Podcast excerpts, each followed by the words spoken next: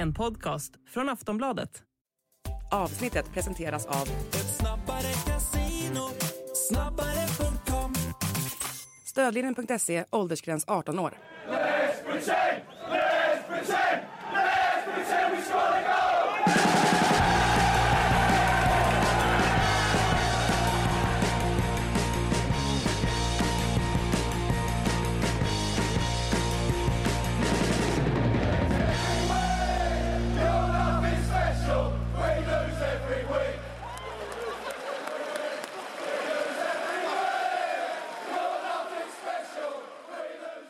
Sportbladets Premier League-podd. Eh, Vi sitter här, det är måndag förmiddag. Makoto med mig i studion, Frida i London. Mitt namn är Patrik Syk. Frida, du har, eh, du har varit på fotboll i vanlig ordning borta i eh, England, i London. Du fick, du behövde inte röra dig så långt igår. Tottenham, Hotspur Stadium, du var där, du var inne på planen, du fick trampa på gräset. Ja. Eh, och sen fick du se Tottenham pulverisera ett väldigt, väldigt trött Newcastle. Eh, 4-1 blev det till slut, kändes som det kunde blivit mer. Jag vet inte, hur många skott på mål hade de? 15? Eh, kändes som Fler. att eh, eh, Dubravka eh, höll ihop det. Eh, gjorde ett gäng räddningar gjorde han, ja. det får man ändå säga. Framförallt på slutet där, det var ju som att det, det, det är liksom när orken inte fanns och man, de visste att liksom, okej den här matchen är körd, då var det som att det var bara fritt fram för, för Tottenham att Lite hjälp, bomba på. stolpe och ribba och allt möjligt också på vägen så att, ja. Ja, 3,81 tror jag Tottenham landade på i expected goals i slutändan. Så att det säger ju, det säger ju någonting att de hade betydligt mer energi jämfört med vad de hade mot West Ham tidigare i veckan.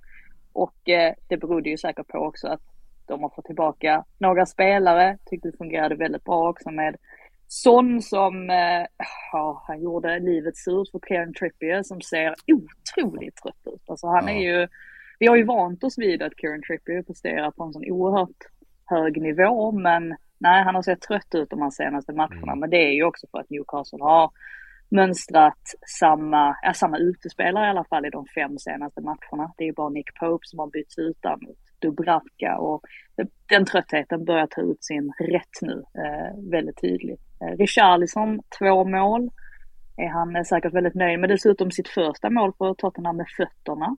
Bara en sån sak. Eh, Kulusevski tyckte han var väldigt bra igen i sin eh, mask då. Han fick ju en armbåge i ansiktet mot West Ham. Han var, ja, han var alldeles ypperlig så att det var en eh, mycket bra insats från Tottenhams sida och det var väl välbehövlig också efter alla de här förlusterna på hemmaplan. Så skönt att bryta den sviten. I Newcastles fall så man kommer ihåg nu att de har alltså förlorat flera matcher den här säsongen jämfört med vad de gjorde under hela förra säsongen. Så att det är tufft nu för dem med hela skadelistan och möter Milan här om bara några dagar. Så att eh, nej, det är ja, mycket huvudbry för Eddie Howe just nu. Alltså de, det har ju verkligen varit deras nackdel för Newcastle, de har fått den Champions League-grupp de har fått så att de måste lägga liksom 110-120% i varje liten duell och sekund av sitt Europaspel. Med tanke på att varje match har betytt så otroligt mycket och är liksom så otrolig inramning kring och det är otroligt starkt motstånd. Och det har ju märkts väldigt tydligt, lägg till att du har halva truppen skadad såklart att de inte orkar mäkta med att ens vara i närheten av den nivån i ligan som de hade förra säsongen. Eh, sen får vi se hur stort raset blir. Någon form av Europaspel måste de ju lösa i slutändan, annars är det ju såklart ett misslyckande.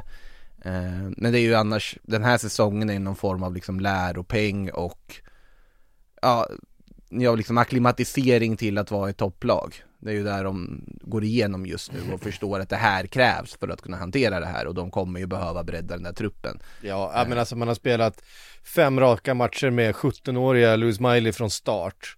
Eh, alltså han är jättebra. Ja. Och det är ett supergenombrott han har haft men men som 17-åring att starta fem raka matcher på den här nivån med så mycket som det sliter. Stor risk att han liksom går sönder, att han drar en muskel, att han får en, en, eh, en smäll som han inte bara studsar tillbaka från. Vi vet alltså, eh, och det här är ju ett, ett symptom på ett lag som har haft såklart massor med skador men som också är lite, en trupp som är för tunn för uppgiften den här säsongen. Eh, det, det är bara så, det kommer antagligen värvas i eh, i januari. Sen är det klart man haft lite otur. Eh, jag tänker på Tonali. med Tonali till exempel, det var ju verkligen inte en avstängning, även om Tonali kanske inte hade kommit igång eh, och var deras främsta startspelare i en sån här skede på säsongen att få in den bara den, den fysiken och den erfarenheten och den kunskapen eh, i den här typen av matcher och kunna avlasta det har ju varit, betytt jättemycket med bara en spelare liksom.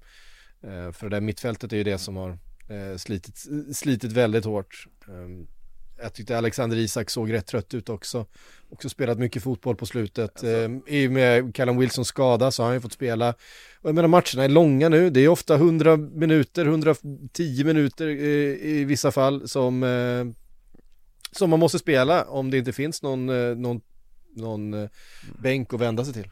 Sen finns det ju en annan grej också med Newcastle som jag tror att man inte får glömma heller. Och det är, det ju, är ju att de får så oerhört mycket energi av att spela på St. James' Park. Alltså jag tror att Newcastle är ett av de lagen som egentligen får mest energi från sin hemmapublik ihop med möjligtvis då Aston Villa, Liverpool är kanske ett annat exempel då.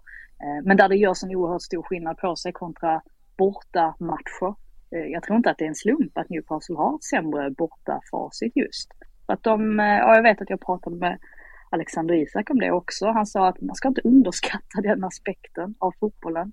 Att eh, ja, när de spelar i Newcastle då vet de om att varenda människa där inne kommer vråla på dem under samtliga 90 minuter eller 100 minuter eller vad det än blir. Så att ja, det blir lite svårare på bortaplan då när man inte har det stora stödet i, i ryggen. Sen får man ju säga också, alltså man undrar ju hur tongången hade varit om Tottenham inte hade fått med sig där de får i det här läget. För de har ju ändå klarat sig undan kritik ganska bra trots att de har liksom tappat 1-0 ledningar på löpande band här nu och, och slarvat bort många poäng också för att ja men de har haft mycket skador och de är lite trötta och ja men de, spel, de men spel, men spelet sin... har sett bra ut hela jo, vägen. men de det... undantag från, från City-matchen där, där de blev ja.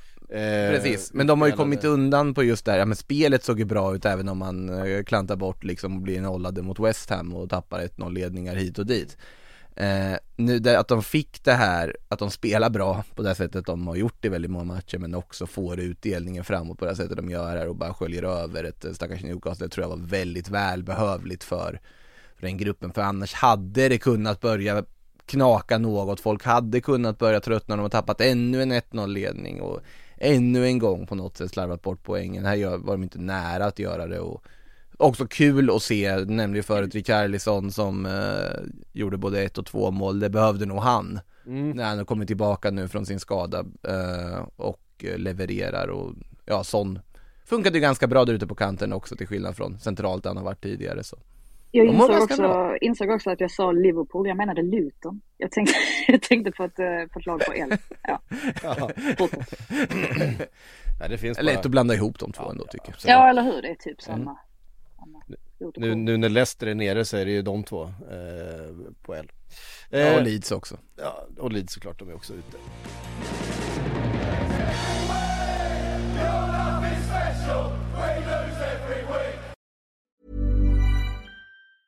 A lot can happen in the next three years. Like a chatbot may be your new best friend. But what won't change? Needing health insurance. United Healthcare Tri Term Medical Plans are available for these changing times Underwritten by Golden Rule Insurance Company, they offer budget-friendly, flexible coverage for people who are in between jobs or missed open enrollment. The plans last nearly three years in some states, with access to a nationwide network of doctors and hospitals. So for whatever tomorrow brings, United Healthcare Tri-Term Medical Plans may be for you. Learn more at uh1.com.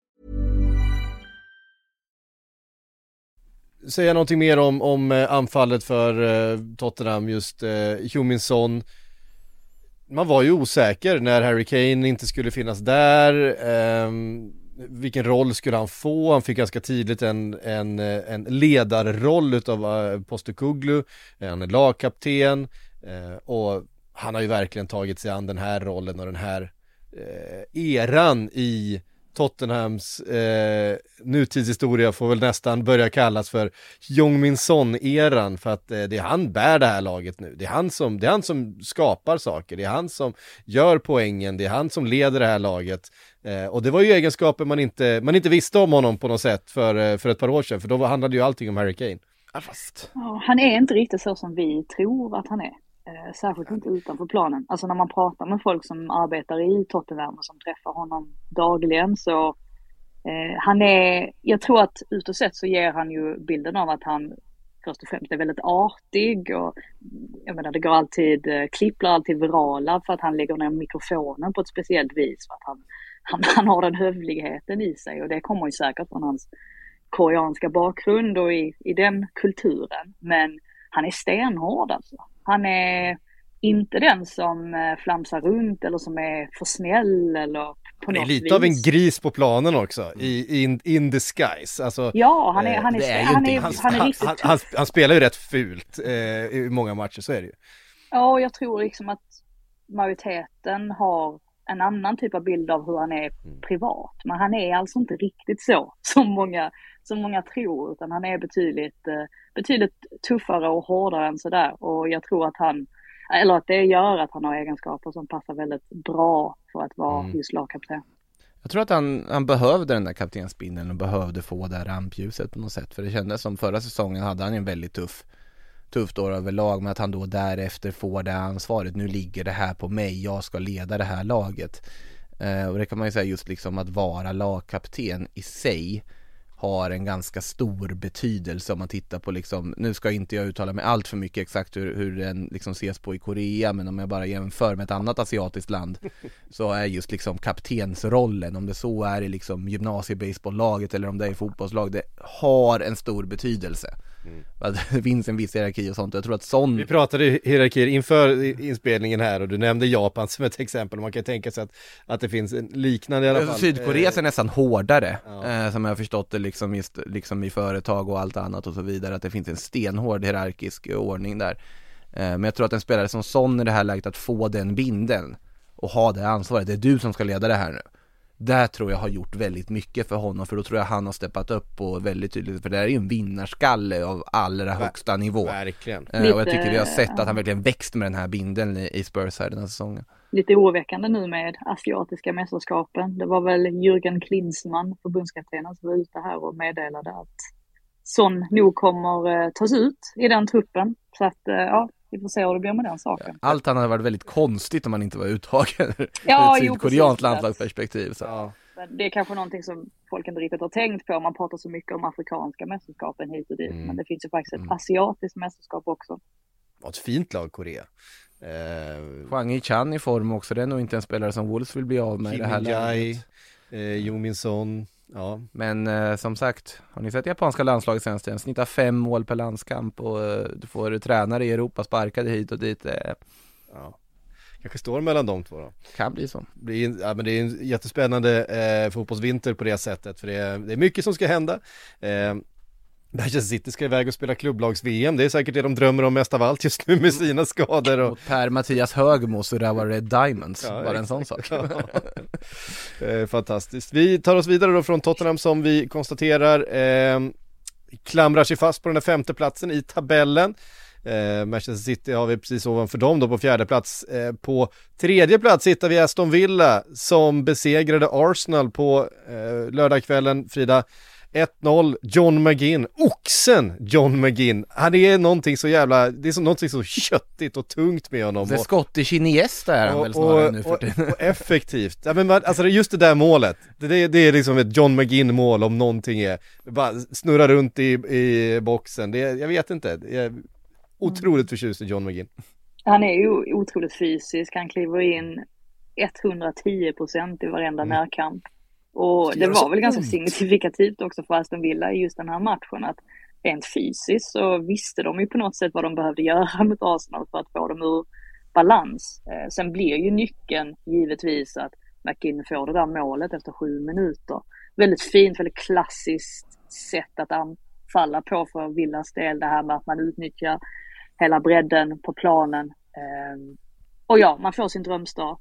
Och sen visst, jag tycker inte att Arsenal är, de gör ingen dålig match och de hade ju kunnat få med sig en poäng där om Kai Havertz eh, mål hade godkänts mot slutet. Men Ja. det man hade kunnat göra, det hade ju faktiskt att vara lite mer tålmodig för att Villas backlinje, vi har pratat mycket om den, det här med att de står väldigt högt upp, Men att de också är väldigt, väldigt duktiga på att göra det, väldigt disciplinerade. Eh, Kommer ihåg att du Syk hade en utläggning om hur du var arg på Son för att han på något sätt gick i fällan hela tiden när de mötte Mm. Tottenham. Men det är det man gör på något sätt. Ja. De är så otroligt skickliga.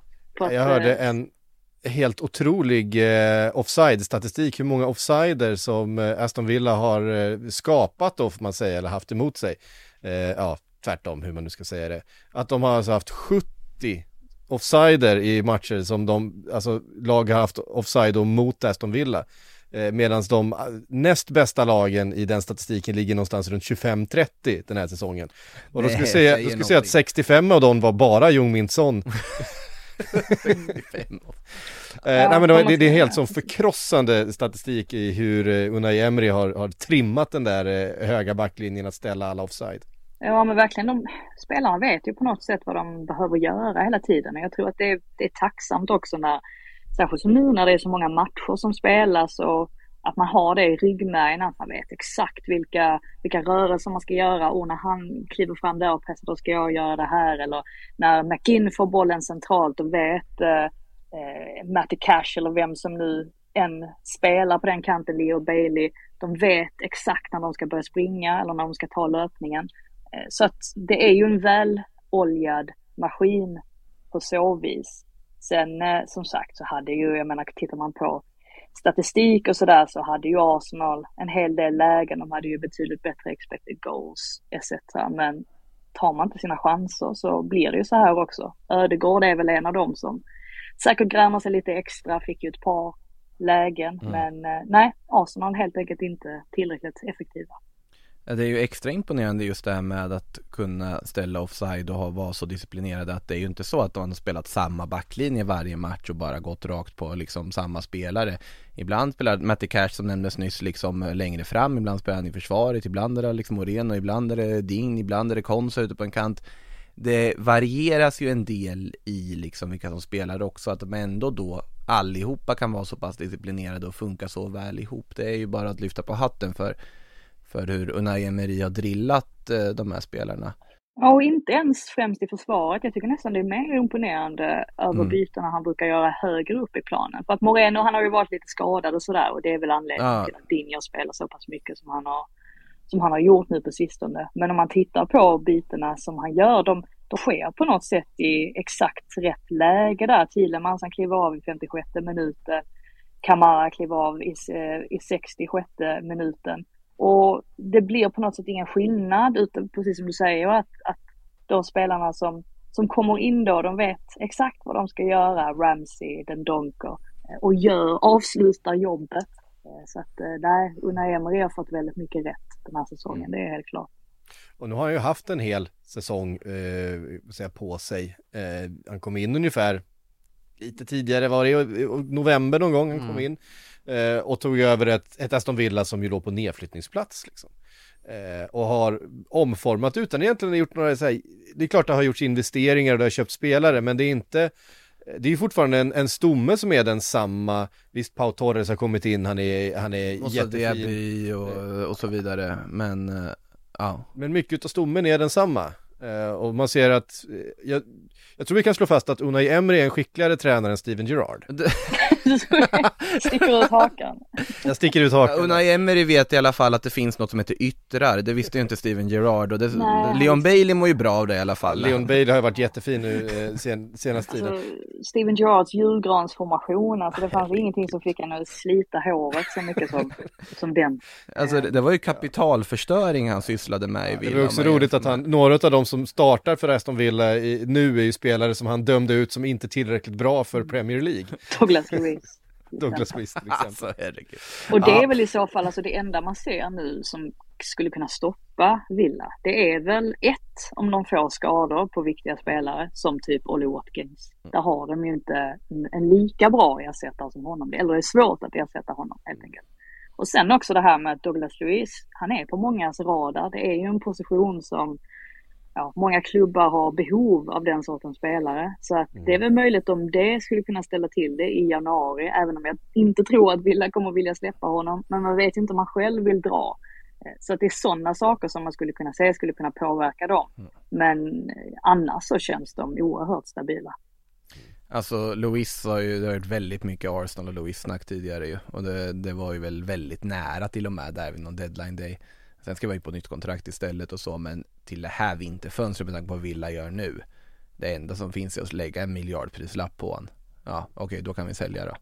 Uh, men sen ska man ju inte ha liksom utesluta att det finns någon klubb som är desperat nog att betala en sån summa. och det är ju då i sånt fall så, så eh, då, då har ju Villa någonting de måste liksom ersätta i sånt fall för han har ju varit jätteviktig men eh, det finns ju ingen anledning att på något sätt rea ut någon i det här laget i det här läget av säsongen. Eh, och det är också Molly Watkins, nu har de ju en unge John Duran eh, som ju värvades in i somras också som ju väl ska försöka ta sin chans förr eller senare men just Watkins, alltså han gör ju någon poäng varenda match. Han gör, ligger bakom någonting i varenda match och han är ju kanske inte alltid superinvolverad i allt som händer men ja, när matchen är slut så har han gjort någonting.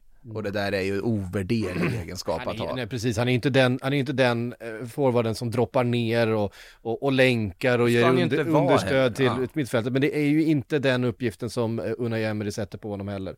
Eh, utan han ska vara där, han ska mm. ligga på rulle, han ska vara först in i, i ytan, han ska eh, gå på omställningar och det gör han ju fantastiskt bra. Vet ni förresten, vem som har flest offsides i Premier Leagues historia? Det vart ett quiz här. Som spring, sprungit mest offside? Ja, men som, som, har, som har sprungit mest offside. Mm. Eh, måste det vara svår. någon på sistone ju. Eh, alltså det måste ju vara någon i modern tid, höll jag på att säga. Fakt, faktiskt inte, det är faktiskt Nej. inte från VAR-eran.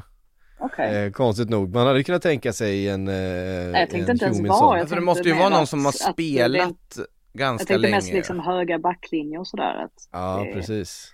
Det är lättare att springa. Det är däremot en galning. Eh, det är Emmanuel Adebayor. Jaha! han, har, han har flest offsides. Eh, på andra plats har vi Jermaine Defoe. Eh, Jermaine Defoe kändes mer rimlig han har på spelat liksom... otroligt mycket matcher eh, och alltid haft den rollen att han ska ligga där och eh, och testa eh, offside-linjen. ja men Adebayor är ju mer en target och därför blev jag lite förvånad på så vis. Men ja, kanske att han inte hann tillbaka då in i rätt eh...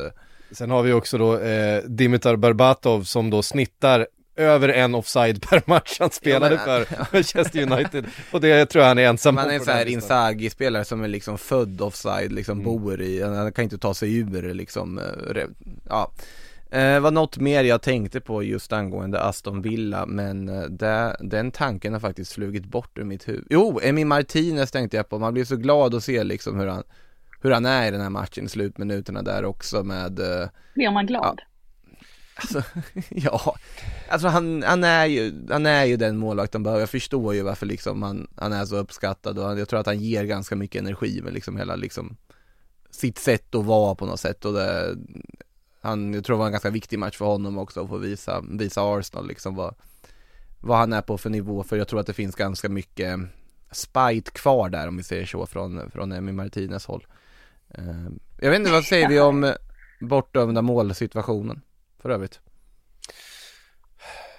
Oh, ja, Man alltså gillar, alltså jag... den, är jätte, den är ju jättesvår Hatar sådana här situationer Ja den är ju liksom helt omöjlig att få ut någonting av, alltså så här, Ja, det, känns det, är inte som fel, det känns inte som fel beslut egentligen. Nej, nej, alltså det, det och dessutom så är det ju domaren på planen som tar beslutet. Mm. Och sen visst så kollar VAR på det. Men nej, jag vet inte, jag var inte, jag var inte jätteupprörd.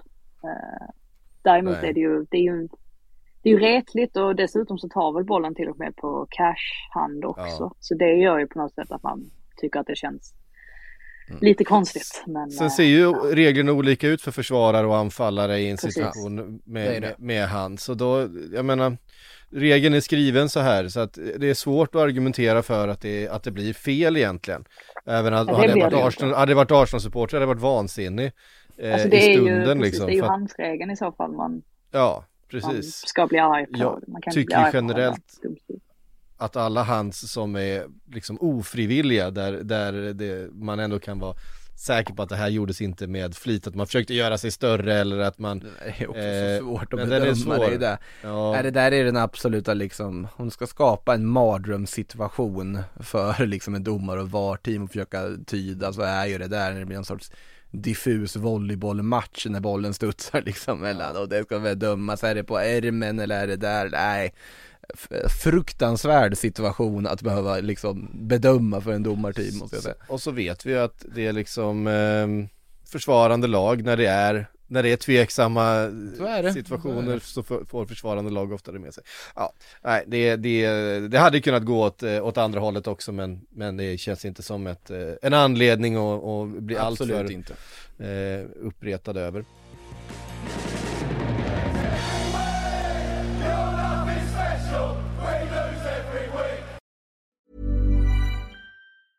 Hey, I'm Ryan Reynolds. Recently, I asked Mint Mobile's legal team if big wireless companies are allowed to raise prices due to inflation. They said yes. And then when I asked if raising prices technically violates those onerous two year contracts, they said, What the f are you talking about, you insane Hollywood ass? So to recap, we're cutting the price of Mint Unlimited from $30 a month to just $15 a month. Give it a try at mintmobile.com slash switch. $45 upfront for three months plus taxes and fees. Promo rate for new customers for limited time. Unlimited more than 40 gigabytes per month. Slows. Full terms at mintmobile.com. Vi tar oss vidare därifrån då och eh, tar oss till Old Trafford, Manchester United, Bournemouth 0-3. Eh, och Frida, vet du vad jag kommer att tänka på när jag såg den här matchen? Nej. Det var säsongspremiären på Old Trafford mellan Manchester United och Wolves. Den gången kom ju Manchester United undan med det med, med blotta förskräckelsen. Eh, men just det här med ett, ett lag som är i, på pappret liksom underlägset på de flesta positioner men ändå bara blåser rätt igenom det här mittfältet som står och tittar på varandra och är inte riktigt säkra på vart någon ska stå. Eh, Scott McTominay har inte i min värld i alla fall, eh, fötter nog att spela med, med, med ansiktet mot eget mål och fördela. Eh, han slog bort ett antal viktiga bollar. Jag vet inte vad man ska säga. All cred till Bournemouth och Iraola. Vad, vad, var dina, vad var dina känslor när du såg den här matchen? Ja men dels så får ju Bournemouth en väldigt bra start där i och med att Solanke gör mål redan efter fem minuter. Och då är det ju inte konstigt om Bournemouths självförtroende växer och de verkligen känner att ja, men här har vi en bra chans att få med oss samtliga tre poäng. Och det hänger ju givetvis även ihop med hur Man United har presterat tidigare under säsongen, att alla lag känner säkert att vi har en, en fullgod chans att få med oss någonting mot Man United nu för tiden. Sen tyckte jag ju, för att det får man ju komma ihåg att Man United gjorde ju en fin insats mot Chelsea, man visade en, en helt annan attityd jämfört med mötet med Newcastle. Men man såg också under, eller vid ett par tillfällen under den matchen, så såg man hur Chelsea tog sig igenom väldigt enkelt centralt. Och där tänkte man att när de möter ett lag som är lite mer påslaget, då kommer de bli straffade där. Och det ser vi också i den här matchen att det är, det är där Man United har sitt problemområde. Förutom det här då att de kanske inte gör så många mål framåt eller i alla fall att målen inte fördelas eh, tillräckligt på olika spelare. Jag menar, redan nämna McTominay är deras bästa målskytt den här säsongen. Det, det säger ju rätt så mycket. Så att, ehm, nej, det här är ju, ah, vad ska man säga? Det, det, var ju verkligen inte vad Ten Hag behövde. Det var inte Man Uniteds värsta förlust under de senaste åren i, i mitt tycke, men sen samtidigt så det här, är, det här är det sista Ten Hag behöver. Nu trodde man på något sätt att det skulle bli en vändpunkt, det har man trott vid ett par tillfällen under säsongen, men det händer liksom aldrig. Och nu möter de Bayern München dessutom. Det är ju, ja, bara det är ju en eh, väldigt, väldigt tuff utmaning. Ja, alltså det är Manchester United och Liverpool den här närmsta veckan. Eh, och eh, United hemma. Det är väl till och med, ja det är det va? Ja, nej, jag vet inte. Men det är Manchester Nej, United. det är, väl, det är väl tvärtom. Det är Liverpool hemma va? Det är Liverpool, ja, Liverpool hemma på Anfield ja. Ja, jo, jag vet, det, det, det vet jag, men, men jag undrar i Champions Ja, League. det är hemma på Old Trafford. Det är på Old Ja. Trafford, ja. ja hur, hur som helst, det här är ju två matcher som kan definiera den här säsongen eh, för Manchester United. Jag menar, eh, Och för förlust Ten Hag. mot... Ja, för Ten Hag, ja verkligen. För, förlust mot Bayern München, ja, då är man utslagen. Då blir det antagligen inte, alltså riskerar man att missa Europa League också, komma sist i gruppen. Eh, och förlust mot Liverpool, då kommer man ju vara avhängda och ha ganska svårt att, eh, ja, titelstriden är man ju redan borta från, men eh, det kan ju bli alltså psykologiskt väldigt, väldigt tufft eh, att komma tillbaks, speciellt när, när Aston Villa och Tottenham ser så bra ut. Vi vet att, alltså Manchester City kan, kan se trötta och så här, de kommer komma topp två. Alltså det, det, det är liksom, eh, det bara känns så, så ändå, det, de hittar tillbaka, det är inte så att de kommer trilla ur topp fyra.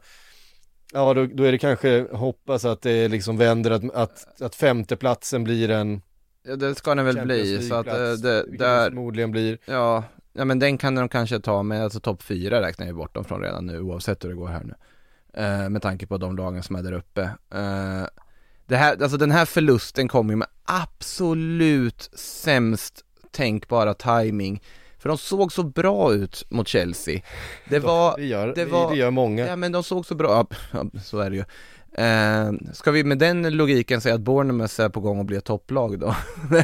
Nej, De har i alla fall eh, Ja, spelat måste sig långt bort Bournemouth, ifrån det botten. förtjänar de. ja det, det ska Ja. vi göra, det ska vi givetvis göra, men just, just vad heter det? Alltså tajmingen när man ändå liksom ser eh, rubriker och spaningar på att ja men de har ju faktiskt lika många poäng som Tottenham och tre poäng bakom City. Och man varit lite för hård mot United egentligen. De, är de så pass i kris och i liksom upplösningstillstånd som man har fått det gällande till med liksom eh, Ten Hags medie blackout mot eh, lokalmedierna där borta på inför presskonferensen och hela den där biten och, och sen så kommer 0-3 hemma mot Bournemouth som ett brev på posten där det kunde ha blivit mer.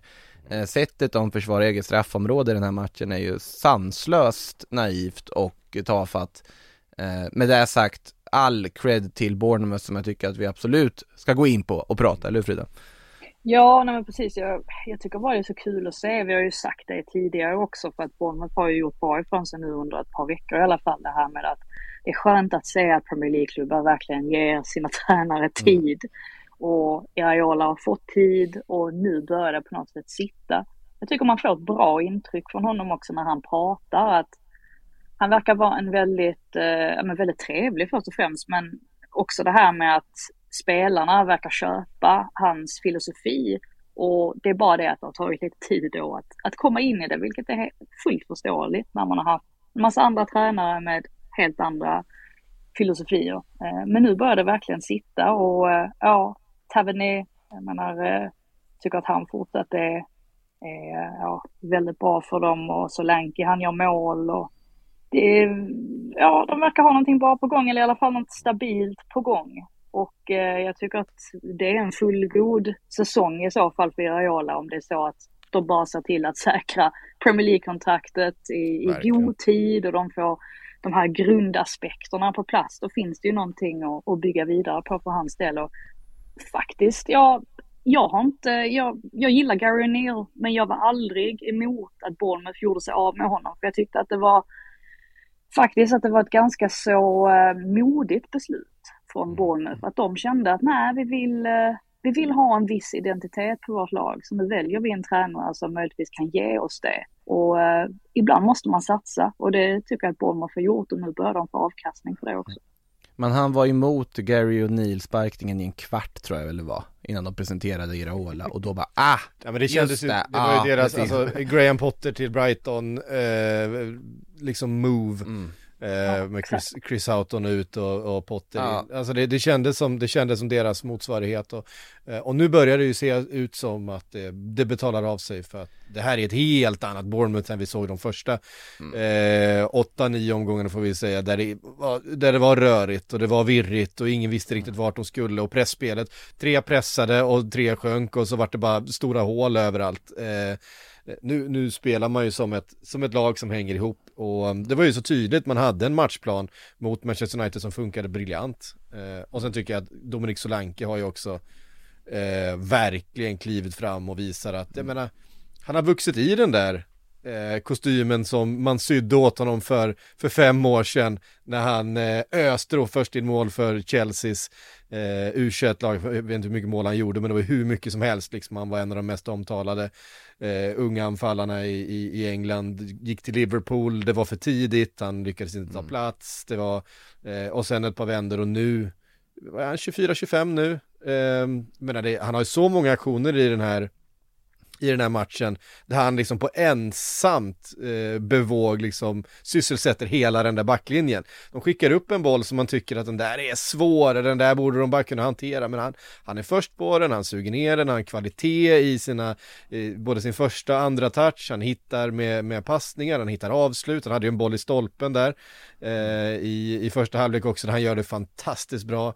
Um, han, Ja. han är riktig form nu. eh, det här är en lärdom för alla, att även om man blir sågad i Premier League-podden så finns det hopp. Man kan ändå bli en storstjärna, eller hur? Ja, så är det. Så är det.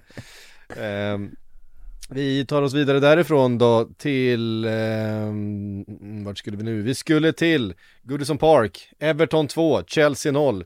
Eh, för att om vi tycker att eh, Manchester United har problem så eh, ser ju Chelsea alltid till att vara laget med ännu mer problem. Vi måste värva spelare i vinter som Pochettino säger, ja det, har ni inte gjort. Ett mittfält för 3 miljarder med Caicedo och Enzo Fernandes.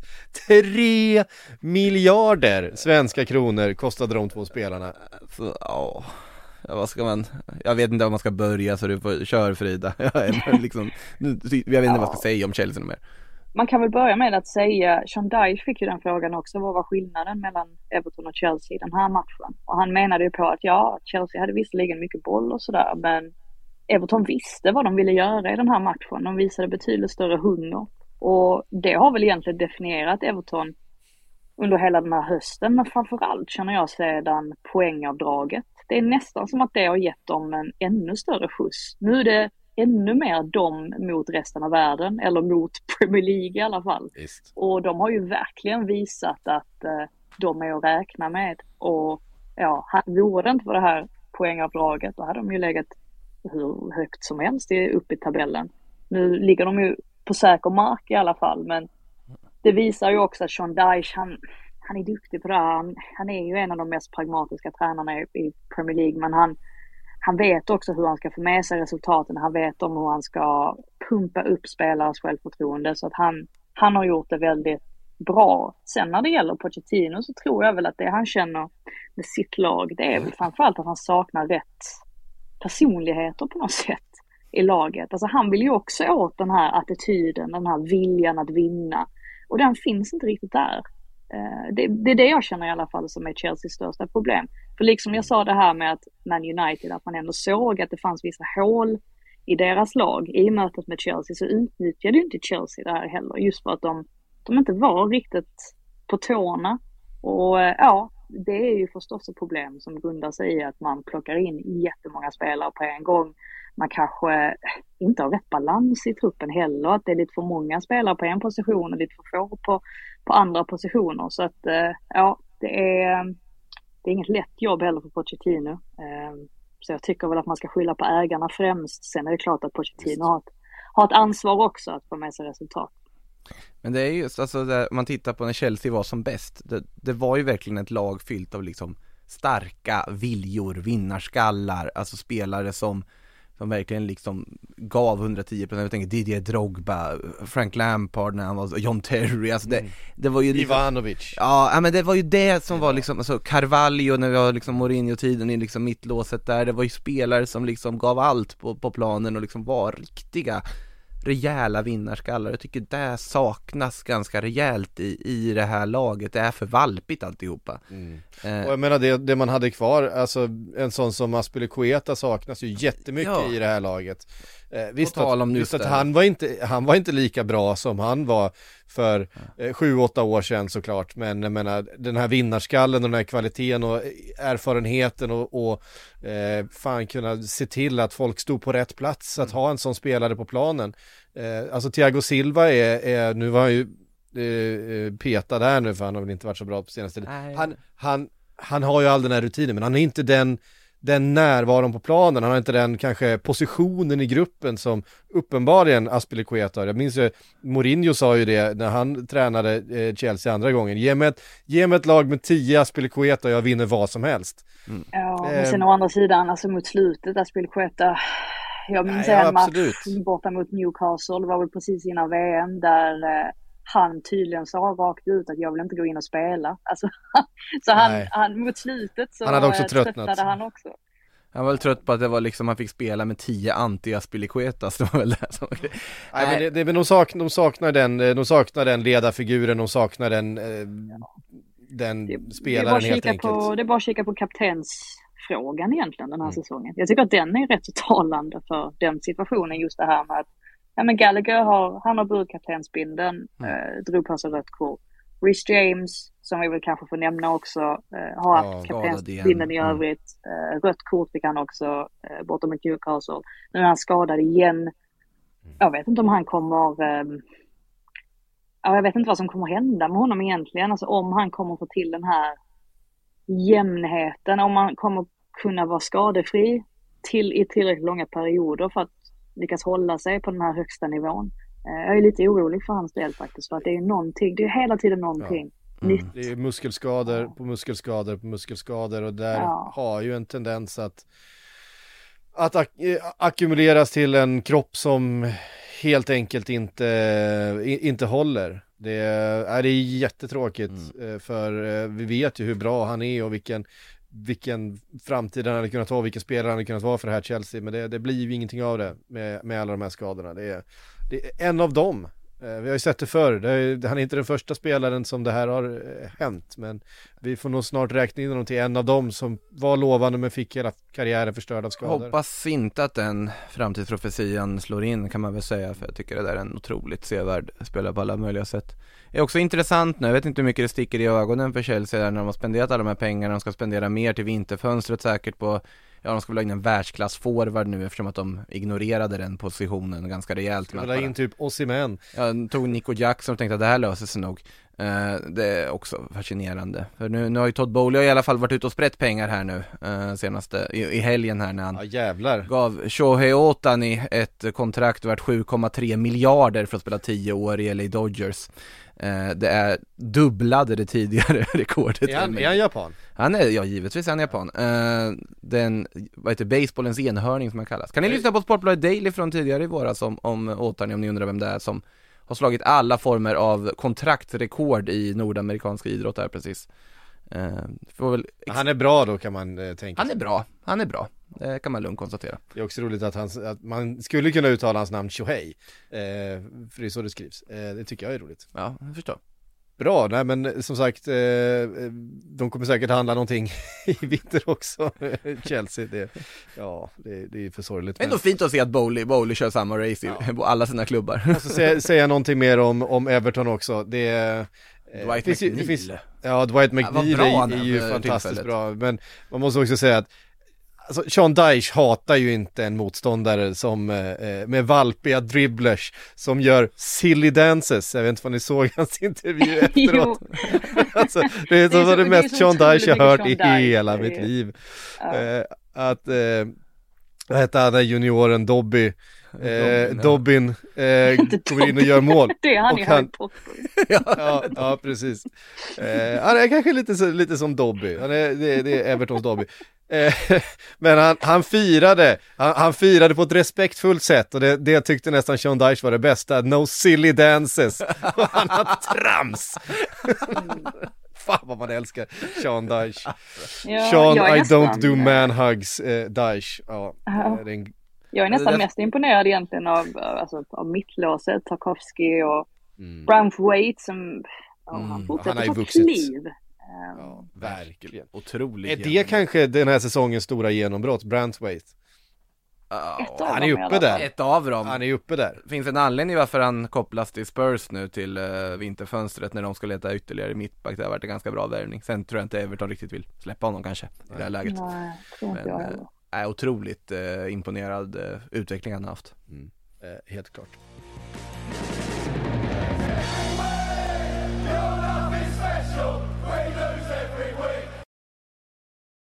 Eh, vi tar oss eh, därifrån då till Sellers Park där Roy Hodgson var vansinnig efteråt eh, på det här röda kortet som, ehm, eh, ja vem var det nu som drog på sig det? Ayew. Ayew Ayew. var det ju såklart. Eh, ganska kort tid och två gula kort. Först för att ha stått för nära vid en frispark, det var en sån här, ett sånt tramsigt gult kort som man, jag verkligen kan ifrågasätta. Eh, och sen eh, det andra gula kortet tycker jag är rätt solklart. Han stoppar ju ett, ett anfall eh, när han välter eh, Harvey Och man kan säga att fram tills den situationen så var ju Liverpool fullständigt bedrövliga. Eh, nog den sämsta insatsen den här säsongen och det har funnits några rätt svaga insatser får man ändå säga. Eh, men vi har varit inne på det, den styrkan i det här laget är ju den offensiva bredden man har. Funkar det inte, om det är tungt och trögt det är, är, trötta spelare, ja men då finns det liksom alltid kvalitet att kasta in. I det här fallet så blev det Harvey Elliott som kom in, han var dels den som blev tacklad då utav Ayew och han är den som sätter 2-1 målet, även Curtis Jones kom in och var jättebra i den här matchen tycker jag. Glöm inte Joseph eh. Gomez också. Och Joe Gomez kom in. Joseph eh, Gomez. Eh, det står alltid det när han, han byts in. Eh, när man kom in och tog den där högerbackspositionen då och eh, Trent fick kliva in. Wataru ändå, det här är inte en typ av match eh, där där, där han kommer till sin rätt. Han var inte riktigt med på noterna kändes det som. Nej, alltså han har ju inte passningsfoten för att stå och dirigera ett lag mot ett ganska duktigt pressande eh, Crystal Palace som ligger, ligger lågt och, och det var ju uppenbart att de hade eh, bestämt sig för att ja, så fort eh, ändå får bollen så ska vi bara upp och trycka liksom. Eh, hade var ju en straffsituation där, eh, det var, eh, det var ju ganska tydlig frispark till ändå får man ändå säga, Williams. Ja, den, jag förstår inte varför de tittar på den så länge. Alltså, det, här, han, han, det är krokben, det är arm, det är, men vad är det ni står och tittar så länge på? Det är frispark. Det var liksom... Ja, men det var en tydlig strategi från, eh, från Roys sida att, eh, vad säger man, targeta. Eh, ha en, måltavla. En, ja, det var liksom måltavlan för pressen var Vataro Endos uppspel. Eh, vilket gjorde då att han då blev begränsad, bollarna gick bara tillbaka till backlinjen, det blev inget flyt i spelet. Blev lite bättre eh, när eh, man bytte ut honom och stoppade upp eh, Alexander Arnold på mittfältet och, och, men framförallt skulle jag säga när, när Curtis Jones kom in eh, som hade lite mer spring i benen än vad, vad Soboslaj till exempel som var, har, har kommit ur sin fina form han hade i början på säsongen har sett ganska trög ut senaste mm. omgångarna. Eh, Dominik Soboslaj han har ju fortfarande kvalitet såklart men inte riktigt samma, samma spark runt honom och Mohamed Salah fullständigt ur form går därifrån med, med ett plus ett ändå, så som han gör. Ja, han, var, han var fullständigt bedrövlig i den här matchen. Han hade fan inte ett rätt. Men eh, han går därifrån med ett plus ett ändå, för att det är det han gör. Eh, det, vissa spelare bara är sådana. Eh, och, och, han är en utav dem. Det var hans då 200 match, eller 200 mål för Liverpool, hans 150 Premier League-mål. Det, det, är rätt imponerande, eh, får man ändå säga. Och ligaledning Frida, för, eh, för Liverpool men de måste nog... Ja, de måste, jag, men jag säger det för att eh, ändå det står i någon slags kontrast till hur spelet har sett ut senaste tiden. Ja, nej men det gör det ju såklart. Men som samtidigt så om det är någonting, precis som du var inne på där, att det här att Liverpool har förmågan att vända matcher just genom att de gör ett par byten känns det som och sen så förändras hela matchbilden. Och det är ju en otrolig styrka. Men jag är framförallt glad eftersom vi ser ut att få ett ordentligt liga-race den här säsongen. Mm, och det var verkligen. ju mer än vad man trodde på förhand. Man tror alltid att Man City är överlägsen favorit och de är väl fortfarande favoriter trots att de bara står på 33 poäng då just nu. Men eh, nej, nu är ju Aston Villa inblandat. Vi har Tottenham som man antar kommer att bli bättre när de får tillbaka ännu fler spelare. Eh, Man United vet vi väl inte med riktigt, eh, går ju upp och ner, men samtidigt så jag tror ändå inte man kan räkna bort dem heller, för precis som vi var inne på tidigare så är ju de, ah, de, de har ju ändå liksom tagit sina poäng. Eh, det är inte fullt så illa som det är för Chelsea exempelvis, och så har vi Newcastle och sådär. Så att nej, en spännande säsong, verkligen. Mm. En, enda nackdelen om alla topplag tar poäng av varandra är att när väl City hittar den där vårformen så är det inget av ja, lagen ja, som har liksom... Alltså, man vet, det finns ju ett lag i den här ligan som kan eh, smälla ihop 15 raka segrar liksom utan att man egentligen har märkt någon större skillnad. Alltså du vet, eh, det, Manchester City är ju det laget. De kan också som, smälla ihop göra det. Eh, fyra raka utan seger och ha problem mot Luton. Ja, eh, och då kan vi väl ta oss till den matchen då. Eh, på Kenilworth Road. Eh, alltså det, när, när eh, Luton gör 1-0, då kände man ju liksom att det är en sån här säsong, där det där liksom galna saker händer. Då hade vi precis sett, sett, sett andra eh, sjuka resultat. Men Manchester City är inte det laget eh, ändå, trots allt. Eh, två snabba mål, det finns för mycket bra fotbollsspelare bara. Eh, lite oroande med eh, Erling Haaland, eh, stressfraktur var det liksom något snack om, så får vi se hur länge han blir borta och vad det riktigt betyder. Um, Mm. Det, det mesta runt den där skadan är, är, är, ganska luddigt skulle jag vilja hävda. Vecka för vecka, riktigt. dag för dag eller något sa väl Pep ja. också. Och det är inte gjorde det inte lätt för alla fantasy managers i världen direkt. Mm. Sen så är det ju, ja nu tyckte jag väl, får säga att Alvarez som ju känns mer Guardiola-kompatibel egentligen jämfört med Holland. Om man tänker liksom hur Guardiola har spelat, och hur hans formationer har sett ut tidigare under sin tränarkarriär. Men han var ju inte sådär värst bra i den här matchen. Jag tyckte egentligen att det var ett större problem än att Haaland var borta om ni förstår vad jag menar. Att mm. Så länge Alvarez han steppar upp lite mer så tror jag nog att de kommer att klara sig ganska bra med eller utan Haaland ändå. Eh, men jag landar ändå i att jag vill prata om Luton för jag tycker att Luton är fascinerande och mm. inte minst då på hemmaplan att de faktiskt har gett både Liverpool, Arsenal och nu Man City en rejäl match.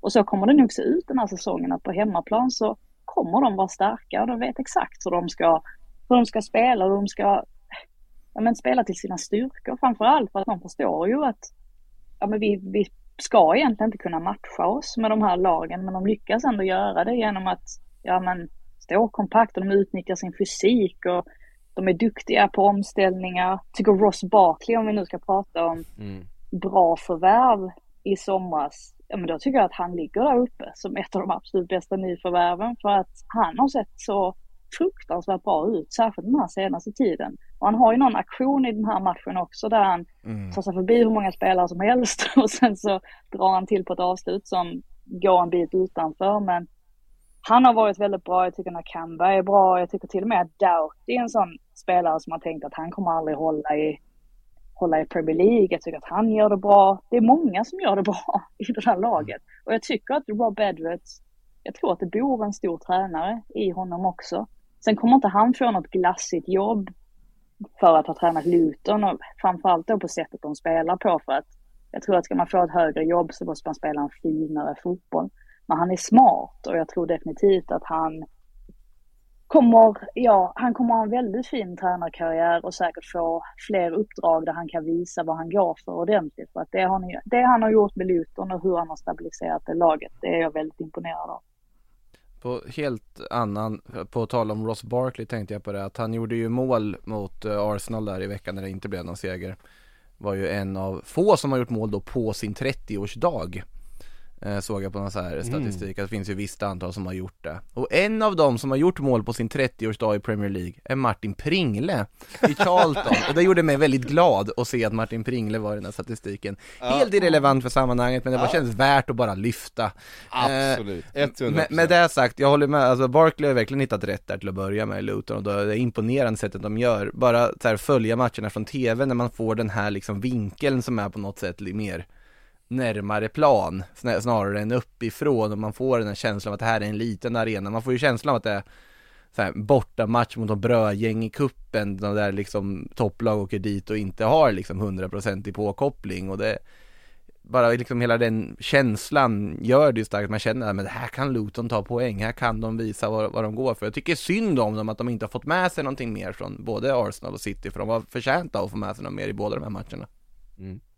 Eh, verkligen så är det ju. Och jag menar, Arsenal, även Liverpool eh, var ju väldigt nära att man faktiskt vann. De fick man med sig en poäng eh, i den matchen nu mot Manchester City. Uppenbarligen har man ett recept som funkar mot de här, de bästa lagen ja. i ligan.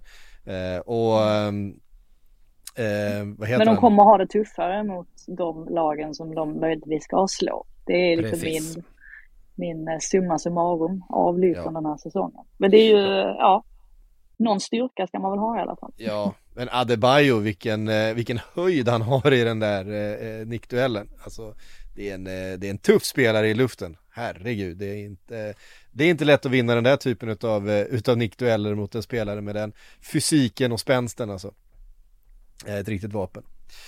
ett av de formstarkaste lagen just nu får vi väl ändå säga är Fulham. Var kom det här ifrån? Ja, alltså 5-0 mot, eh, mot West, West Ham som vi måste säga ser också väldigt, väldigt slitna och trötta ut just nu. Eh, Ett av de lagen som eh, Ja, fast Skulle vann borta mot lite. Tottenham. Så att det, Jo, det, går, det svänger snabbt ändå. Va? Det är ju Ja. det David Moyes sa också, att han, han trodde att de hade använt för mycket energi i den matchen. Men det kommer nog vara så här under den här perioden av säsongen att det är mycket upp och ner. Definitivt på West Ham också. På tal om att man kanske inte alltid ska ta allt vi säger i den här podden med liksom största allvar när jag vet att jag har dubbat Fulham som det tråkigaste laget i ligan. Eh, lagom innan då de gör 10-0 på två matcher. Alltså att de pulveriserar ett Nottingham som just nu är dysfunktionellt är en sak, men att de går och gör det mot West Ham också direkt efter. Och Raúl Jiménez ser ut som, eh, ja, gamla Raúl Jiménez igen. William ser ut som, ja, gamla William igen. Eh, det, det är otroligt imponerande. Kul ändå. Eh, Ja, alltså det som är intressant också det är ju att det är inte så att Marcus Silva har gjort några radikala taktiska förändringar på något sätt. Alltså det är ju fortfarande samma, det är ju samma spelare om ändå att några har kommit tillbaka som Adebayo eh, tillbaka från skada och jag tycker att han, han gör Alltså han gör stor skillnad för dem, framförallt att de kan spela en, en högerfotad eh, mittback till höger. Jag tror att det hjälper dem enormt. Och sen så också Kenny, han är en liten sån här unsung hero. För mig i alla fall, för jag tycker att han ger Andreas Pereira större frihet på något sätt att göra, ja men att få ut mer av sin kre- kreativa sida. Och så då, precis som vi är inne på där, Makoto med Jiménez som ju har haft det kämpigt ända sedan den där hjärnskakningen mot Arsenal för herrans massa år sedan. Eh, det har tagit tid för honom och han har inte riktigt sett ut som sig själv men mot Villa så lossnade det lite grann tror jag när han fick in det där målet och nu rullar det ju på för honom och det är ju exakt det Fulham behöver inte minst då efter att de tappade Mitrovic. Den här nicken är ju brutal alltså. Herregud vilken, vilken timing och vilken, eh, vilken fin nick. Det där var ju den gamla, den gamla eh, Raúl Jiménez som lös igenom. Man blev väldigt glad av det. För så där, så där gjorde han ju med ganska stor regelbundenhet i, för Wolves före sin, sin skada. Då hade han ju det där modet och han var blytung i boxen. Eh, och gjorde ju precis den typen av mål eh, ofta. Det var, det, det jag har inte sett någon som har blivit något annat än glad av att se det målet, ja, kanske några West Ham-supportrar. Wilsons eh, mål var väl dock den som tog priset i den här matchen om vi säger så. Herregud vilket avslut det var alltså. Från, från distans, bara rakt upp i, i krysset. Kan, ja nu när det inte finns ett cykelsparksmål att konkurrera med den här månaden, än i alla fall, så eh, kan det vara en kandidat till månadens mål där längre fram i, i juletider. Ja, Harry Wilson har, har den där förmågan, han jävla tillslag eh, Ja, med foten. otroligt vackert. Eh, Det har han ju faktiskt haft alltid Mm. eh, med sig. Gjorde ju rätt mycket sådana mål när Fulham spelade i, i Championship och han slog igenom får man ändå säga. Ehm, Mm. Jag såg en väldigt otrevlig stat, vi får se om jag hittar den. Att David Moyes nu har förlorat 238 matcher som Premier League-tränare. Det är alltså mest, eller ja, flest förluster då i ligans historia på samma antal som Harry Redknapp. Så att, ja, Jaha. ja. en sån där de stat har ju- som inte säger någonting egentligen. Men, ja. De har, tränat, de har tränat många matcher, det, får, det- man- det det, det, får också säga. Det är Eh, det också. Och eh, det är klart att eh, Alex Ferguson kanske ändå har fler matcher men han förlorade rätt sällan. Eh, så var det ju eh, verkligen. Sen får vi väl se då, nu, nu eh, det kommer, tror jag, bli, nu ska vi inte bli Sillypodden här men jag tror att det kommer bli ett ganska busy vinterfönster för Fulham.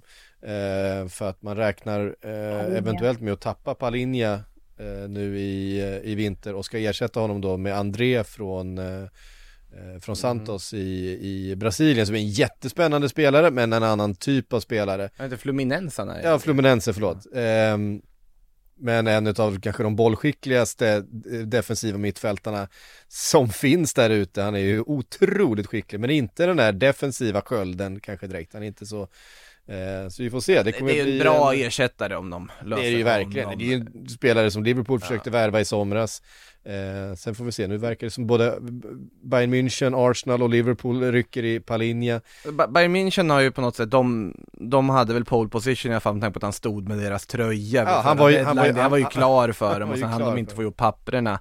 Mm. eh, Sen är frågan nu, eh, Bayern vill inte betala lika mycket för honom eh, i ett sånt här fönster men också Fulham Jag tror inte det är goda nyheter för Bayern att Premier League-klubbarna nu också inser att här finns det någonting kanske att försöka slå till på. Jag tror nog Fulham hellre säljer dem till Bayern München men Ja, vem vet, det finns ju lite andra mittfältsnamn som kopplas till Bayern också Men vi ska inte bli Sillypodden som sagt Nej, nej som sagt, ja, men det blir ett intressant eh, vinterfönster för just Fulham och kan man då få lite, lite fart i ligan och eh, kanske det kan också finnas någonting positivt att hämta ur ett januarifönster och, och titta ännu högre upp i tabellen. Nu är man ju eh, på den övre halvan och det, där hade ju inte jag dem inför säsongen. Eh, vi tar oss vidare, Wolves, Nottingham Forest 1-1. Eh, ja, ja, vad ska man säga Frida, Nottingham Forest, de fick med sig en poäng här i alla fall, Steve Cooper eh, överlever to fight another day. Eh, Kan man väl säga, han hänger ju på, på repet annars. Ja, jag tyckte väl i alla fall att vi fick bekräftelse på att spelarna inte har vänt honom ryggen. Nej. Utan de får ändå med sig någonting i den här matchen och det var ju faktiskt det, det viktigaste. Han gör en hel del förändringar dessutom så att han, han satsade rätt så mycket i, i den här matchen för att just få med sig någonting. Men eh, ja, vi får väl se hur, eh, hur länge det håller. Det är väl trots allt den tränaren som, som ligger närmast att eh, få sparken ihop då möjligtvis med Hodgson. Det har ju dessutom kommit uppgifter om att Crystal Palace kommer invänta och se vad Nottingham Forest gör för att de vill ha Steve Cooper. Så skulle det vara så att Forest sparkar Cooper, ja men då kommer eh, möjligtvis Crystal Palace att göra en förändring, att göra sig av med Hodgson då, som ju har kontra- hans kontrakt går ut i sommar, och plocka in eh, Cooper direkt. Så att eh, ja, vi får väl se.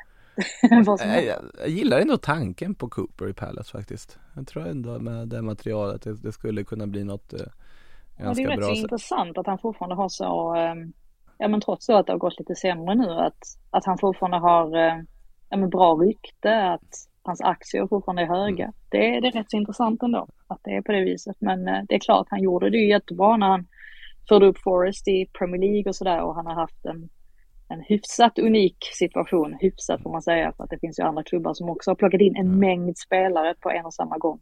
Eh, och det är inte alltid helt enkelt. Alltså jag sitter och tittar på Forest bänk de hade mot Wolves nu Eh, de har ju alltså, alltså Danilo som de värvade liksom ändå upphausad mittfältare i Brasilien som de värvade in eh, var väl, ja nu ska vi se, det var ju inför förra säsongen då. Han byttes in, Felipe tidigare Atletico Madrid-backen byttes in och Chris Wood då. Så har de alltså Vlacho Dimos som värvade från Benfica den här säsongen. Ola Aina Sangare upphausad från PSV Eindhoven. Nicolas Dominguez från Bologna de värvade in. Hudson Odoi och Origi på bänken.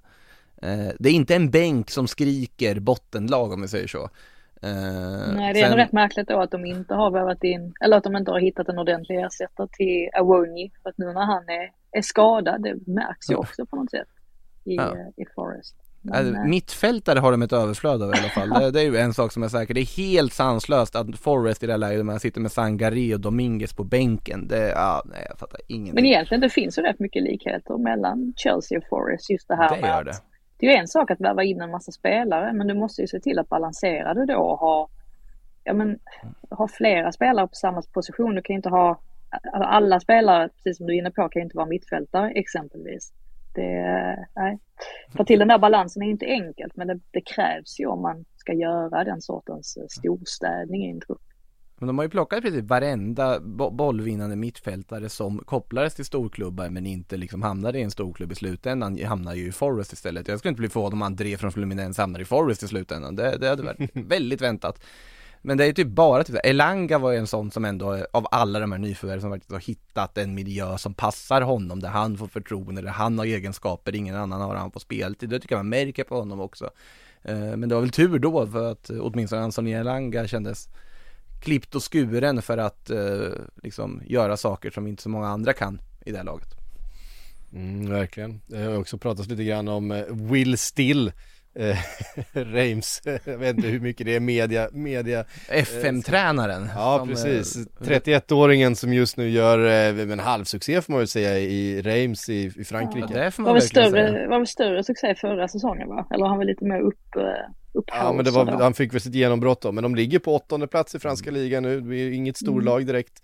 Eh, som sagt han är född 92. Eh, är ju spännande, det var ju hela den här historien också då med att eh, Reims betalade den här böten på 25 000 euro för varje match han tränade med tanke på att han inte hade gjort färdigt sin licens. Det är också väldigt liksom FM-kompatibelt att han har maltesen Teddy Te- Teuma på mittfältet också. en maltes, det är inte ofta man ser. Nej, eh, det är det faktiskt inte. Eh, vi tar oss vidare till Brighton, Frida. Eh, där går det trögt och det verkar som att eh, De Serbi tar på sig det. Han lät så, han lät så jävla deppig. Han var så här, fan laget är ju bra liksom och vi, vi, det, det finns spelare så här, det måste vara mitt fel. Eh, när det Fast han bra. menade väl på att, ja men han sa väl egentligen att Brighton, ja men dels att de inte är ett topplag och han, Mm. att han inte är så pass bra som alla andra tror. det var väl typ så. nej men det var, han lät, han, lät, han lät lite, jag är väl ingen topptränare liksom. Eh, ja. Ja, vi, kan, vi, kan väl, eh, vi kan väl tro att han är rätt så sarkastisk när han eh, säger på det där viset. Men eh, de har det ju rätt så tufft med, ja, med spelare borta. Han saknade väl sju ordinarie spelare till den här matchen. Och visst, de skapade tillräckligt mycket för att få med sig samtliga tre poäng mot Burnley. Men här får väl Trafford, han får väl eh, på något sätt lyftas fram för att det är mycket tack vare honom som, som Burnley får, eh, får med sig en poäng. Eh, han gjorde, stod för en massa räddningar. Jag tror väl ändå att Brighton hamnade på typ, ja vad var det, 2,75 eller någonting sånt där i expected goals. Så att de hade kunnat få in fler men eh, Trafford stod i vägen och han har ju haft det rätt så, det är klart att det, det kommer alltid vara tufft när man står i mål för en nykomling. Det, det är nästan garanti på att man kommer att släppa in rätt så mycket mål i alla fall. Men eh, de här senaste veckorna så tycker jag faktiskt att han har tagit kliv och han ser lite mognare ut. Han var ju väldigt upphypad då i, efter sommarens U21-EM och sådär. Eh, och nu såg man verkligen att eh, det bor en stor målvakt i honom. 29-6 i skott till Brighton i den här matchen. Alltså, De Cherby absolut, jag tycker inte att han är någon dålig tränare som han själv då sarkastiskt blir få det till, men han måste sluta med det här otyget att bänka Kauru mittom och byta in honom i paus. Bara starta honom och låta, va- låta honom cementeras på den här positionen. Ja, han har haft lite skadeproblem senare tid, men då byter du inte in honom i paus i sånt fall. Spela karln. ja, men han var väl skadad mitt om alla. Ja men det är det jag menar, han har haft lite skadeproblem men uppenbarligen ändå redo att komma in en det menar i varje match. Nej jag, jag är inte helt övertygad om att det ska rotera runt honom. Ja, en viktig poäng ändå för Burnley här eh, med tanke på att Sheffield United också tog, tog tre poäng mot Brentford. Brentford som också har det eh, trögt just nu. Eh, men Chris Wilder såklart, hans första seger sen han kom tillbaks, eh, det är hans andra match då. Eh, och kanske kan man hoppas på någonting nu när Wilder är tillbaks, lite tro i truppen men ah, känslan är ändå att den, den här säsongen kommer inte hittas någonting annat än en nedflyttning för, för Sheffield United, jag vet inte. Det är om man skulle, även om Luton och Burnley och Sheffield United på något sätt har börjat hitta någonting, hitta någon slags eh, skepnad för den här säsongen där det har sett otroligt formlöst och bara ihåligt ut eh, inledningsvis så avståndet både poängmässigt, spelmässigt eh, är för stort upp till, till övriga. Inte minst nu när Bournemouth helt har, har lämnat bottenstriden uppe på 19 poäng. Everton var ju där nere med sin, eh, sitt poängavdrag. De är alldeles, de är mycket bättre än de här andra lagen har vi ju sett. Sean Dyche har ju gjort det här till en, till en resilient klubb igen. Ja, Nottingham Forest, det är ändå fem poäng från eh, Luton på, på 18 plats då till 16 plats för, för Forest, eh, Crystal Palace. Alltså det, det känns som att det blir svårt för de här lagen. Trots att Chris Wilder nu kommer in och levererar tre poängare Frida. Ja, men jag tror väl just nu så antar jag att publiken på Bramall Lane bara är glada över att, ja men som du säger, det är en, det är en frisk fläkt som kommer in och det är möjligt att de då kan leva lite på det här, få lite mer energi och uppenbarligen fick de det i den här matchen. Eh, Men jag håller med, jag tycker inte heller att Sheffield United, de, de bör inte ha material att eh, klara sig kvar sett till då hur bra de andra lagen är och inklusive då Luton som jag ändå tror har störst chans av nykomlingarna att faktiskt klara sig kvar. Eh, men eh, välbehövligt för Sheffield United med, eh, ja, med, med en sån här typ av insats och framförallt ett sånt här typ av resultat också. I efterhand så har det väl mest snackats om Anel Ahmedhodzic. Jag vet inte Ja, om ni har hängt med i La- hela den. Lagkapten för dagen, men det var väl just kaptensbindeln i fråga som har blivit. Nej, alltså han, han var ju lagkapten, eh, har ju varit lagkapten tidigare matcher också. och Det var ju matchen i veckan där mot Liverpool. Det var ju då alla kaptener bar den här regnbågsbinden och eh, han var tydligen den enda lagkaptenen som inte gjorde det i den omgången. Och eh, det fick inte så mycket uppmärksamhet först. För Chris Wilder menade på, han fick frågan på presskonferensen men sa typ att oj nej det där vet jag ingenting om. Eh, Men sen så hade ju SVT Sport mässat Ahmedhodzic och frågat rakt ut och då hade han svarat och frågat då varför han inte bar den binden och då hade han svarat gissa. Eh, ja. Skön kille. Man behöver inte säga så mycket mer om det, mer än att eh, man nog förstår vad han menar och eh, ja, vad ska man säga? Det är, ehm, det är vad det är. Det är vad det är.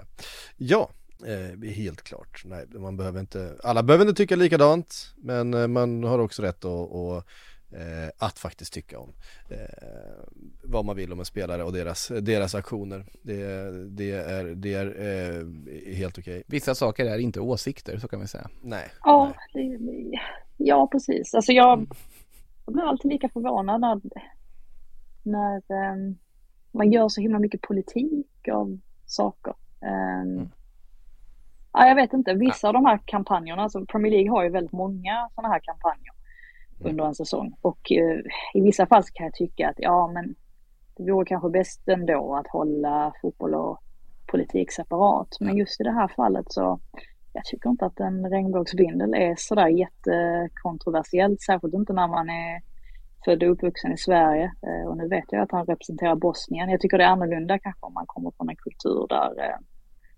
ja, där det inte ses på med, med blida ögon. Eh, Jag kan förstå att det är en större fråga då från spelare, men eh, i det här fallet så känns det inte som att det borde vara ett så svårt val. Men eh, nej, det, det vore intressant att höra en eh, mer utvecklad, eller ett mer utvecklat resonemang från Ahmedhodzic. Men det kommer kanske.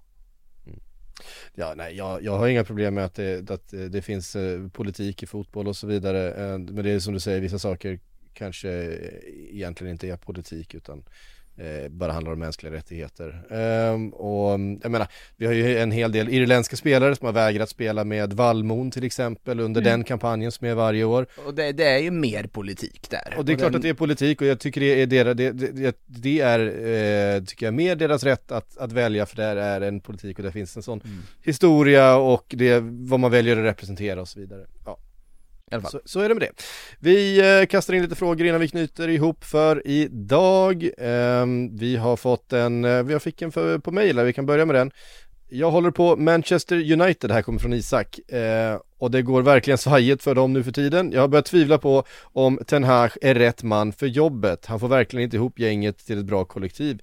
Kan ni prata lite om hur Graham Potter hade kunnat passa in i Manchester United? Med tanke på att eh, Jim Ratcliffes eventuella köp i klubben och det ryktas om att han vill få in mer engelskt, vad passar då bättre än en engelsk tränare? Tack för en bra kasta inte in den stackaren i den. Nej, eh, inte, inte, historien. nej, nej, nej, nej, nej, nej, Inte nej, igen, nej, nej, nej, ett nej. getingbo han, till, han, alltså. han måste få lugn och ro stackarn. Alltså det, det är inte det. Alltså om United ska byta tränare, då i det här läget, då vill man ha någon som har ganska mycket mer kött på benen och skinn på näsan och kan hantera eh, allt vad det innebär att träna en klubb med den strålkastarna på sig och så vidare skulle jag säga. Sen säger inte jag att de ska liksom ja, bara ta Conte och bränna på ett halvår här nu eller vad det nu blir men jag tror det behöver någonting mer. Framförallt med tanke på att Potter säkert åldrades tio år extra av den där halvåret i Chelsea. Då vill du inte gå in i det här United i det här läget. Jag, jag tycker ju inte att Ten Hag ska få sparken. Eh, än. Mm. jag tycker att han ska få mer tid. Och ehm, ja, sen det kanske är fel. Vi får se eh, hur, hur det går. Men jag bara tänker tillbaka på Mikael Arteta. Det var rätt så många som ville bli av med honom under eh, ett par säsonger där inledningsvis. Och eh, titta var han är nu. Eh, det kan gå snabbt, det kan vända snabbt, det kan hänga på att man får in en eller två spelare som helt plötsligt är precis det man behöver. Eh, så att, nej, jag avhåller mig lite från att påstå att Ten Hag borde få sparken för jag tror inte att det kommer hjälpa någonting rent långsiktigt i alla fall. Alltså vem ska man då ta in för det första? Eh, Hur, må- hur många gånger har vi liksom dragit den här funderingen, alltså det, det var sagt hur många gånger som helst men det är inte ett problem med tränare, det, det finns ett större systematiskt problem med Manchester United och det är den eviga 10 000 kronors frågan som vi vi får se om vi får svar på den förr eller senare, om de liksom hittar rätt i det där, men det finns andra problem än vem som sitter som tränare i den klubben, så är det ju Absolut. Ehm, vi kan slänga in då, eh, Håkan Hellberg skrev här, eh, han, han eh, kommenterar McTominay alla mål till trots, han är alldeles för dålig defensivt för att spela ihop med Bruno, det, står för stor, det uppstår för stora luckor i mittfältet som eh, Bournemouth eh, utnyttjar det här vi pratat om. Han längtar efter att få se en trio med Bruno, Amrabat och Casemiro som samspelta. På pappret ser det väldigt bra ut. Då säger det att Bruno tog, tar ju en, en superonödig gult kort i den här matchen för eh, content, alltså för att gnälla på domaren och är då avstängd i matchen mot Liverpool nästa, eh, nästa vecka. Det här är också en del av problemet och mentaliteten i den klubben, att man har ingen som tar ansvar.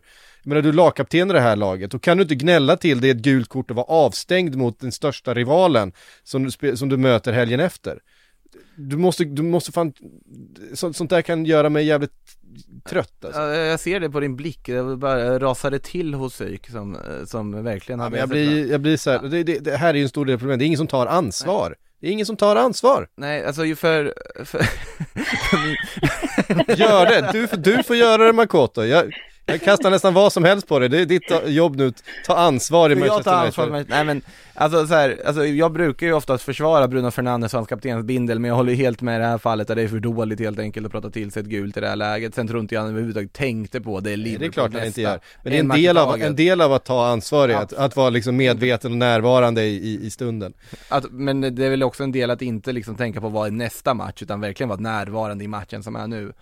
Eh, om vi säger så. Men absolut, jag håller med om att det är för dåligt att ta ett gult kort i det där läget, det är för orutinerat. Det, det håller jag med om. Eh, Gustav Fransson vill att du ska prata lite om din eh, Ultimate Teams efter gårdagens packsuccé. Jag fattar ingenting av det här så att... Eh, Nej, jag, jag, jag prickade ett väldigt bra kort eh, i, så hade otrolig tur så jag kommer väl all- absolut inte spe, spela på några lotter någonting fram till för jag har förbrukat all min tur för eh, all framtid vad var det för, vad var det för? En Rudd Schullit eh, dök upp i Okej. ett pack han inte skulle dyka upp i egentligen Så nu har jag min Homa Resawa i laget för Rudd Schullit såldes givetvis direkt eh, Och så investerade jag i en Homa Resawa Ja, jag, vi kan ta det här på Twitter någon gång istället Ja, jag, jag fattar ingenting, men eh, det, det är säkert jättebra. Eh, Ur- Urban Westerberg vill bara kommentera att eh, Evertons startelva kostade 30 miljoner pund mindre än Enzo Fernandes. Eh, det säger också någonting om, om förutsättningarna. Ja, de har spenderat en, en miljard pund sen, eh, Ja. ja. sen Todd Bowley och gänget kom in. Så att, eh, ja, De har inte fått ut så mycket av det än. Ska man säga att Evertons startelva är ändå inte den billigaste eh, i ligan, så är det ju. Eh, Spurs-Jonte, på, han, han, det här är ingen fråga, det här är ett påstående. Eh, Frida, Pedro Porro, ligans bästa högerback. Mm. Han, eh, han har varit riktigt bra. Jag tycker att på något sätt att Porro, man kanske har eh, glömt bort det lite, eller i alla fall vi svenskar, jag tror att vi är så väldigt fokuserade på typ eh, ja, men Dejan Kulusevski och sen så har ju James Madison när han var skadefri och, och sådär, han har ju stulit mycket av, eh, eller många av rubrikerna, men jag håller med, jag tycker att Pedro Porro, jag tycker sättet som han, han på något sätt har eh, tagit sig an den här säsongen på och hur han passar perfekt i den rollen som Postecoglou har gett honom. Eh, Jag trodde inte alls att han hade det här i sig.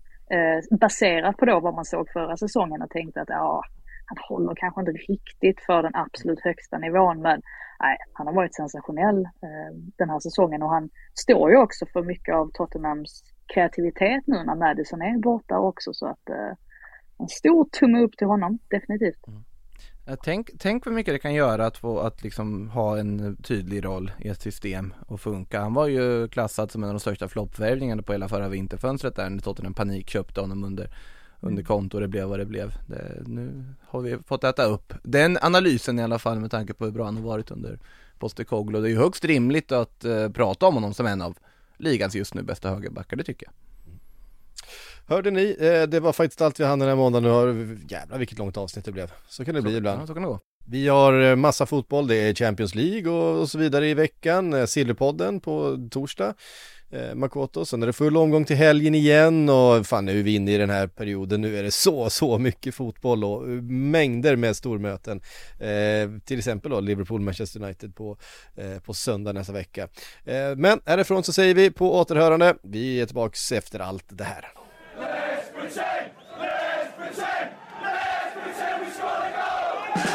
Du har lyssnat på en podcast från Aftonbladet. Ansvarig utgivare är Lena K Samuelsson.